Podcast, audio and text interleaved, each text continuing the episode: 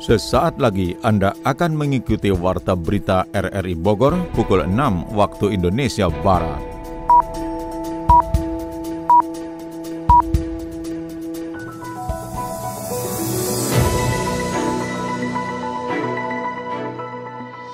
Selamat pagi dan salam jumpa. Kami kembali hadir dalam Warta Berita Pagi ini Sabtu 9 September 2023. Siaran ini juga dapat Anda dengarkan melalui audio streaming RRI Digital pada perangkat Android Anda. Serta dapat Anda dengarkan kembali melalui podcast kami di Spotify, Anchor, Potel, dan juga Google Podcast. Berikut kami sampaikan berita utama.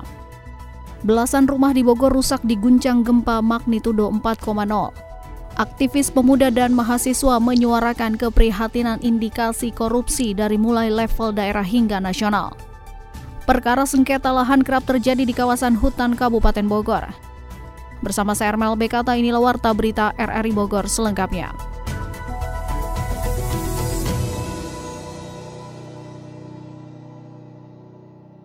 Gempa magnitudo 4,0 menggetarkan wilayah Bogor, Jawa Barat kemarin dini hari. Sebanyak belasan rumah penduduk rusak akibat gempa tersebut. Rumah warga yang mengalami kerusakan tersebar di Kampung Garehong dan Kampung Cianten, Desa Purwabakti, Kecamatan Pamijahan, Kabupaten Bogor. Kepala Desa Purwabakti Tajudin Arifin mengungkapkan data sementara ada 14 rumah yang rusak dengan kategori rusak sedang dan ringan. Kerusakan meliputi atap rumah bolong karena gentingnya melorot dinding-dinding retak hingga ada yang ambruk akibat guncangan gempa tersebut. Arifin memastikan tidak ada korban luka apalagi meninggal dunia pada bencana yang terjadi pada dini hari tersebut. Sebelumnya BMKG merilis gempa bermagnitudo 4,0 mengguncang wilayah Bogor pada hari Jumat 8 Desember 2023 pukul 2.00 waktu Indonesia Barat. Epicenter gempa berlokasi di darat pada jarak 25 km barat daya kota Bogor, Jawa Barat di kedalaman 5 km. Gempa juga dirasakan di wilayah Kelapa Nunggal, Cicuruk, dan Sukabumi. Ratusan personil gabungan mengikuti apel kesiapsiagaan bencana yang digelar pemerintah Provinsi Jawa Barat dan Kodam 3 Siliwangi. Apel tersebut digelar dalam mempersiapkan pasukan gabungan untuk bersiaga menghadapi potensi bencana saat musim hujan. Adi Fajar Nugraha melaporkan. Sebanyak 300 personel gabungan dari jajaran Kodim 0606 Polresta Bogor Kota, pemerintah Kota Bogor bersama relawan mengikuti apel kesiapsiagaan bencana yang digelar pemerintah Provinsi Jawa Barat dan Kodam 3 Siliwangi secara hybrid di Makodim 0606 Kota Bogor pada Jumat pagi. Apel tersebut digelar dalam mempersiapkan pasukan gabungan untuk bersiaga menghadapi potensi bencana saat musim hujan. Komandan Kodim 0606 Kota Bogor, Kolonel Infantri Fikri Ferdian memastikan seluruh personel dan kelengkapan peralatan penanganan kebencanaan dalam keadaan yang siap. Ia menyebut beberapa bencana yang harus diantisipasi seperti banjir, longsor, pohon tumbang menjadi atensi bagi seluruh stakeholder kebencanaan untuk dilakukan mitigasi bencana sedini mungkin. Selain itu, TNI juga telah gencar melakukan giat pembersihan sungai dan drainase saluran air yang kerap tersumbat sampah. Jadi hari ini kita melaksanakan apel siaga bencana di Kodim 0606 Kota Bogor. Tujuannya adalah untuk memastikan bahwa seluruh stakeholder siap mengatasi bencana yang kapan saja bisa terjadi di Kota Bogor. Upaya ini sudah kita awal uh, kita kerjakan dari jauh-jauh hari sebelumnya. Kita bersama-sama atas perintah dari Bapak Panglima TNI dan Bapak Kepala Staf Angkatan Darat, seluruh kodim di jajaran TNI melaksanakan upaya untuk memitigasi bencana, melaksanakan pembersihan aliran sungai, membersihkan sampah-sampah di wilayah perkotaan, aliran-aliran uh, parit dan uh, di pasar-pasar sehingga ketika curah hujan yang sangat tinggi belakangan ini dapat kita antisipasi sehingga tidak uh, terjadi bencana. Hari ini kita memastikan personil dan perlengkapan siap untuk sewaktu-waktu digerakkan apabila terjadi bencana banjir, tanah longsor ataupun pohon tumbang yang sangat sering terjadi di Kota Bogor. Sementara itu, Kepala Pelaksana BPBD Kota Bogor Hidayatullah menjelaskan, selain mempersiapkan seluruh personel beserta peralatan penunjangnya, pihaknya juga akan memperkuat peran Kelurahan Tangguh Bencana atau Keltana yang sudah dibentuk di beberapa kelurahan di Kota Bogor. BPBD juga saat ini masih melakukan edukasi dan sosialisasi kepada masyarakat, khususnya yang bermukim di wilayah rawan bencana agar dapat melakukan mitigasi bencana dengan evakuasi diri ke tempat yang lebih aman. Hidayatullah menambahkan sejak awal Desember hingga saat ini, Kota Bogor sudah dilanda bencana 44 kejadian yang tersebar di berbagai wilayah. Dampak dari hidrometeorologi sudah tercatat di Pusdalop kami itu sebanyak dari mulai 1 Desember sampai dengan 7 Desember semalam itu tercatat 44 kejadian. Salah satunya mayoritas adalah tanah longsor, banjir, dan pohon tumbang. Mitigasi yang kita lakukan adalah hari ini kami membentuk keletanan namanya, Kelurahan Tangguh Bencana. Bagaimana edukasi kepada warga yang tinggal di lokasi rawan bencana itu segera melakukan evakuasi diri bahwa keselamatan jiwa itu utama. Selain tadi kami berkoordinasi dengan dinas terkait sesuai kewenangannya bahwa pastikan mengakselerasi penanganan pasca bencana tersebut. Dengan dilakukannya apel kesiapsiagaan bencana ini diharapkan dapat meningkatkan kesiapan seluruh stakeholder dalam menghadapi segala potensi bencana yang ada di Kota Bogor. Masyarakat juga diminta untuk meningkatkan kewaspadaan terhadap potensi bencana yang ada di masing-masing wilayahnya.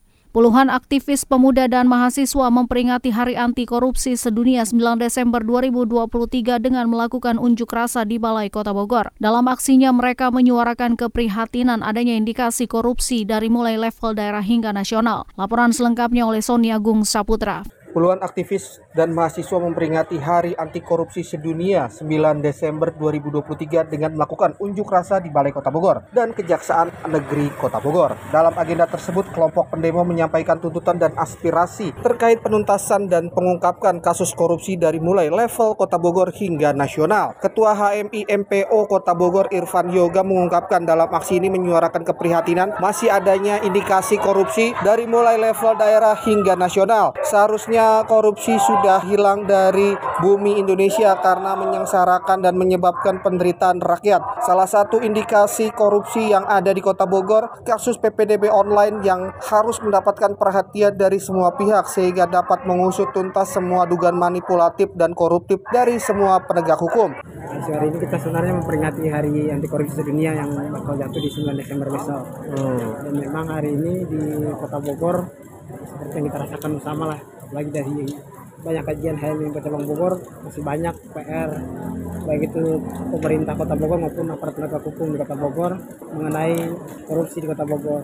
Kemarin memang apalagi kasus kemarin salah pendidikan ya PDB itu memang kami dari hasil kajian itu memang ada indikasi dugaan ke situ ke arah situ dan memang disampaikan juga oleh wali kota bahwasanya ada perputaran uang ratusan juta. Nah itu kan yang sampai hari ini belum selesai. Makanya hari ini kita desak aparat penegak hukum khususnya kejaksaan agar mengusut segala untuk kasus korupsi yang ada di Kota Bogor.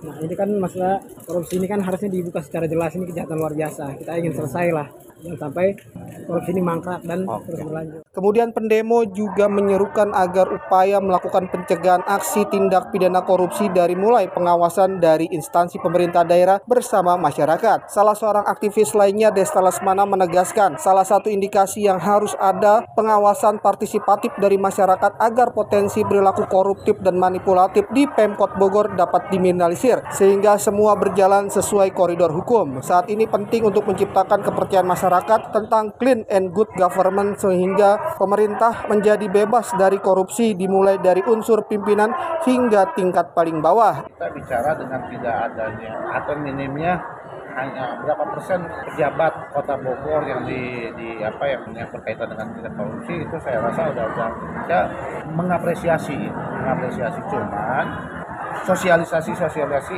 terhadap pejabat daerah pejabat negara berkaitan dengan bahaya bahaya uh, korupsi. Itu yang uh, bahayanya sangat berdampak kepada masyarakat. Yang jelas tegas dalam melaksanakan uh, good government dengan apa? Dengan semangat tidak korupsi. Selanjutnya, koordinasi dan komunikasi hingga menciptakan sinergitas antar penegak hukum juga harus terjadi sehingga pengawasan dan pengecekan berjalan dengan adanya semangat membasmi korupsi dari Indonesia. Pak, Hmm. Bentar lagi kan kita anniversary nih. Hmm. Liburan yuk. Boleh. Asik. Keluar negeri ya? Aduh, ngapain sih keluar negeri mah? Di Indonesia kan banyak tempat wisata. Kita kan belum pernah ke tempat yang keren-keren. Jadi bagus gitu loh, Pak, kalau posting di media sosial. Emangnya Mama mau wisata ke mana sih? Mau ke pantai? Mau. Itu adalah Labuan Bajo tuh, dijuluki kota seribu sunset. Kalau misalnya mama mau ke cagar alam eksotis, nggak usah jauh-jauh ke Afrika. Kita ke Savana Bekol aja di situ Bondo, yang jadi bagian dari Taman Nasional Baluran. Atau misalnya nih, hmm. mama mau trekking kayak tembok besar Cina gitu. Ada. Ada. Namanya Janjang Koto Gadang, yang punya julukan The Great Wall-nya Sumatera Barat. Oh, ternyata seru juga ya keliling Indonesia ya. Kapan nih kita berangkatnya? Cinta Indonesia bukan cuma mengenal budaya dan keseniannya saja, tapi juga ikut berkontribusi memajukan pariwisatanya. Liburan di Indonesia aja. Perkara sengketa lahan kerap terjadi di kawasan hutan, salah satunya seperti yang terjadi di kawasan kaki Gunung Salak, tepatnya di Kecamatan Taman Sari, Kabupaten Sukabumi. Mereka yang berperkara pun satu persatu masuk penjara terkait pemalsuan dokumen tanah, membeli tanah dengan paksa hingga klaim kepemilikan antara ahli waris. Selengkapnya ikuti penelusuran Yofri Haryadi dalam laporan khusus berikut ini.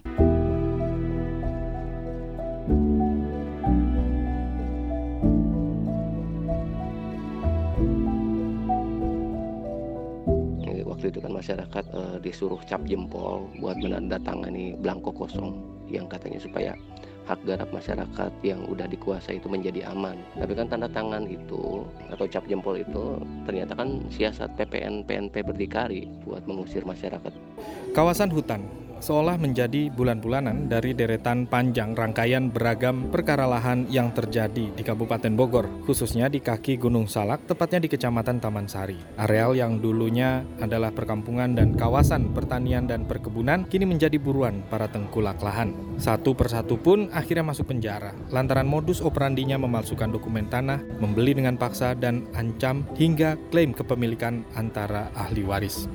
Kemudian ini dampaknya yang luar biasa. Ya. Jadi sekarang itu uh, hampir di setiap konflik tanah, konflik uh, tenurial itu hampir selalu melibatkan namanya kehutanan, hampir selalu. Ya. Jadi kira-kira begini, kondisi kita itu adanya di sini sekarang di, di C ini. Nggak tahu nih awalnya dari A atau dari B, tapi sekarang ini yang banyak itu di C ini. Ya, ada masyarakat yang punya tanah, kampung, uh, pemukiman dan seterusnya. Kemudian ada klaim kawasan hutan titik-titik ini. Jadi ini campur aduk di sini. Nah ini harus diselesaikan, ya.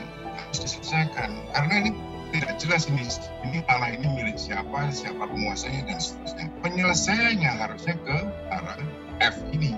Jadi batas luarnya itu yang titik-titik ini dibatasi, jadi begini. Yang dalam ini juga dibatasi. Jadi jelas kepemilikan penguasanya jelas. Tanah ini siapa yang menguasai milik siapa, jelas, nggak ada problem. Tetapi untuk menuju F ini ternyata ah, resource-nya nggak cukup Guru Besar IPB University Profesor Dr. Insinyur Sudarsono Sudomo dalam orasi Guru Besar IPB University mengungkapkan ada ketimpangan dan keterbatasan sumber daya dalam pendataan dan pemilahan tanah, kampung, dan masyarakat terutama di kawasan hutan yang mengakibatkan masyarakat yang berada di tengah kepungan tanah hutan asetnya tidak bernilai secara kolateral. Inilah yang menjadi pangkal masalah di tahun 1960 hingga 1970-an dulu. Asep Suryana yang mengadvokasi warga yang kehilangan kehilangan hak atas tanahnya akibat masa lalu kelam dari para leluhurnya di Kecamatan Taman Sari, Kabupaten Bogor pun mengungkapkan, jauh sebelum PTP 11 hadir dan membuka hutan di Desa Sukajaya dan Sukaluyu, masyarakat sudah bercocok tanam memanfaatkan lahan tersebut. Ini ada rangkaiannya sih Kang, dan saya pikir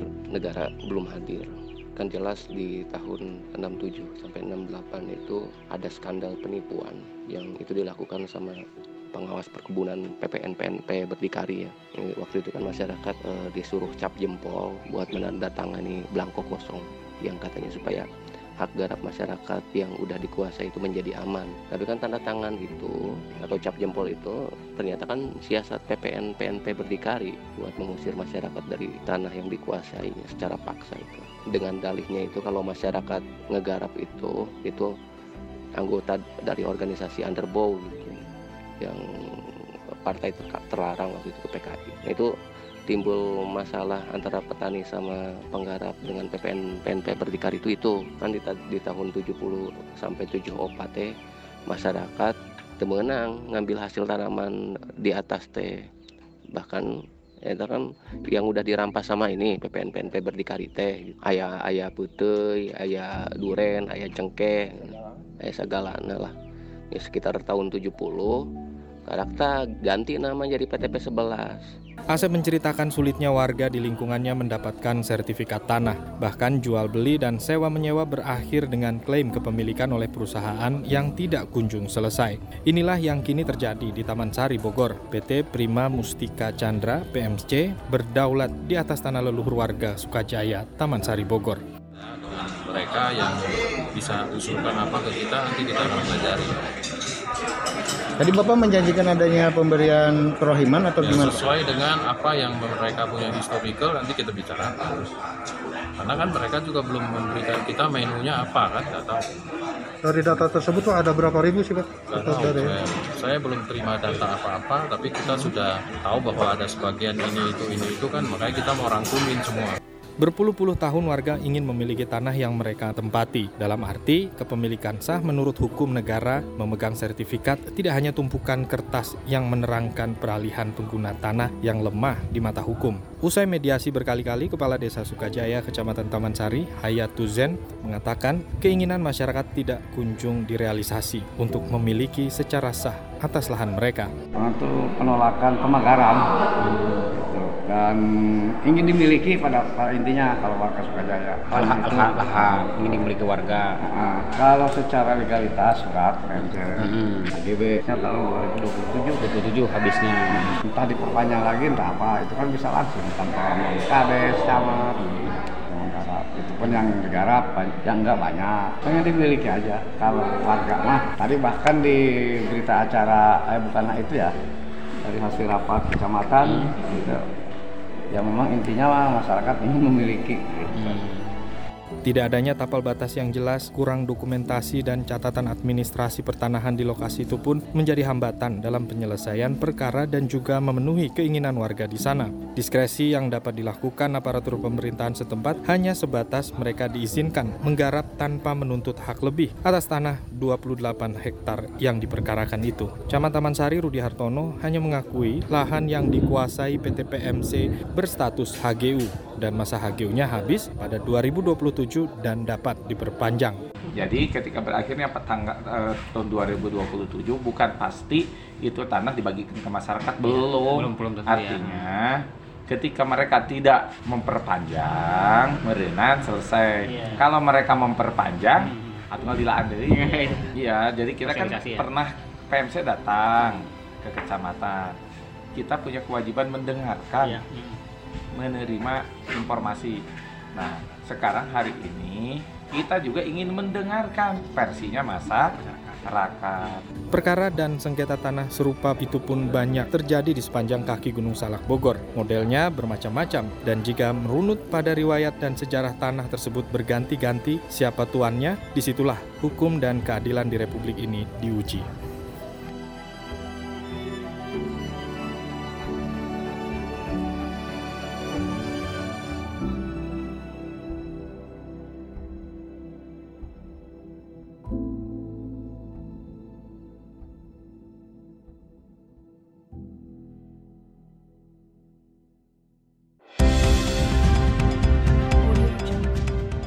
Anda tengah mendengarkan Warta Berita RRI Bogor.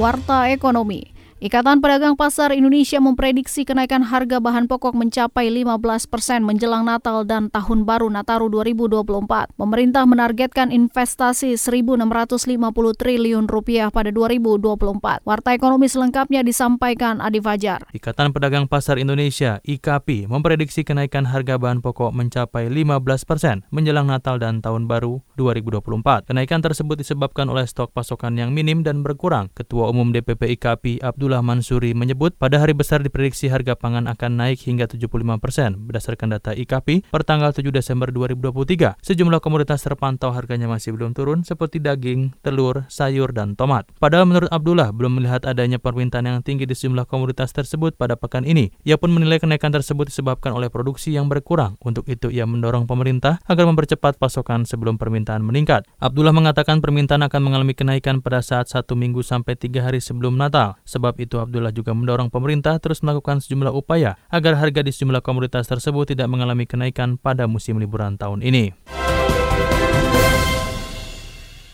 Pemerintah menargetkan investasi sebesar 1.650 triliun rupiah pada tahun 2024. Presiden Jokowi mengaku yakin Indonesia bisa mencapai angka tersebut. Namun ia mengakui bahwa harus melakukan kerja ekstra untuk mencapai hal tersebut karena ke depan masih banyak tantangan global. Jokowi menyoroti terkait investasi juga perlu dibenahi lagi yang ada di dalam negeri. Menurutnya jangan sampai seperti urusan perizinan harus dapat diselesaikan dengan mudah. Sebelumnya dalam agenda rapat Koordinasi Nasional Investasi 2023, Jokowi juga menyinggung bagaimana cara menggenjot investasi ke depannya. Ia pun meminta agar iklim investasi diperbaiki dan nilai investasi ditingkatkan. Indonesia menargetkan investasi sebesar 1.650 triliun pada 2024. Presiden juga menargetkan pertumbuhan ekonomi di angka 5,1 hingga 5,7 persen. Berita olahraga.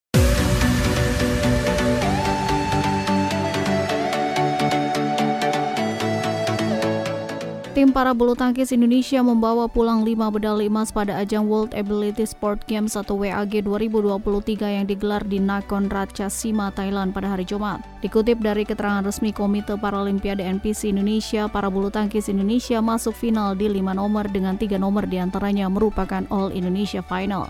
Medali emas pertama didapat oleh ganda campuran Hikmat Ramdhani dan juga Liani Ratri Oktila. Pasangan itu menang atas kompatriotnya Freddy Setiawan dan juga Kalimatus Sadia dalam dua game langsung 21-8-21-19.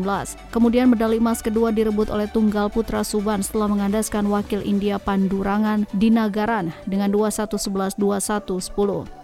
Lebih lanjut, partai All Indonesia Final kembali tercipta antara Freddy Setiawan versus Hikmat Ramdhani di nomor tunggal putra SL4. Freddy berhasil memenangkan duel tersebut dalam dua game langsung 21-18, 21-19. Medali emas selanjutnya dipersembahkan oleh Leani Ratri Oktila yang sukses membungkam Kalimatus Sadia dengan 21-12, 21-10. Sebanyak 5 medali emas dari para bulu tangkis membuat Indonesia untuk sementara mengoleksi 29 medali emas. Sementara itu WAG 2023 Thailand masih akan bergulir hingga Sabtu 9 Desember 2023. Selain para bulu tangkis masih terdapat beberapa cabang olahraga yang diandalkan oleh Indonesia di ajang ini, termasuk para balap sepeda, para tenis meja, para panahan hingga para atletik.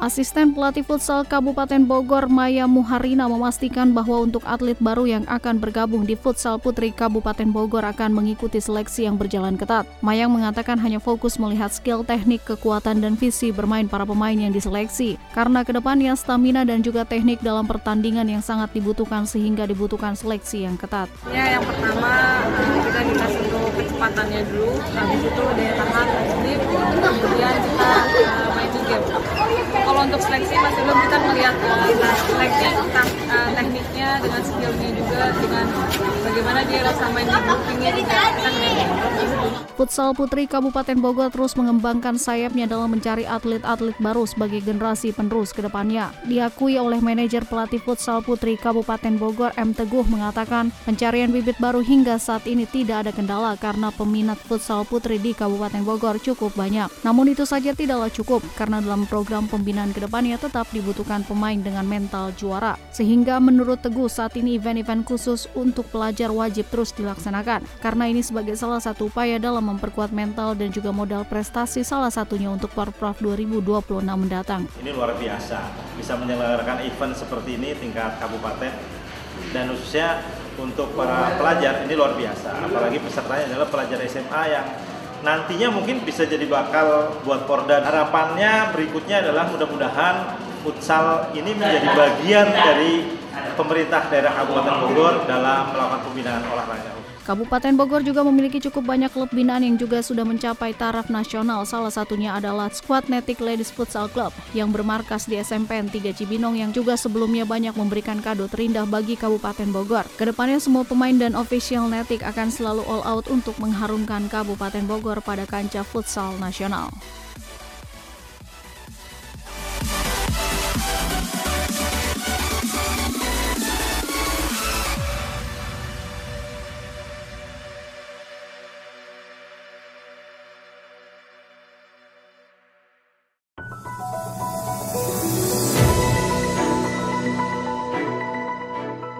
Demikian informasi yang dapat kami sampaikan dan berikut kembali kami sampaikan berita utama hari ini.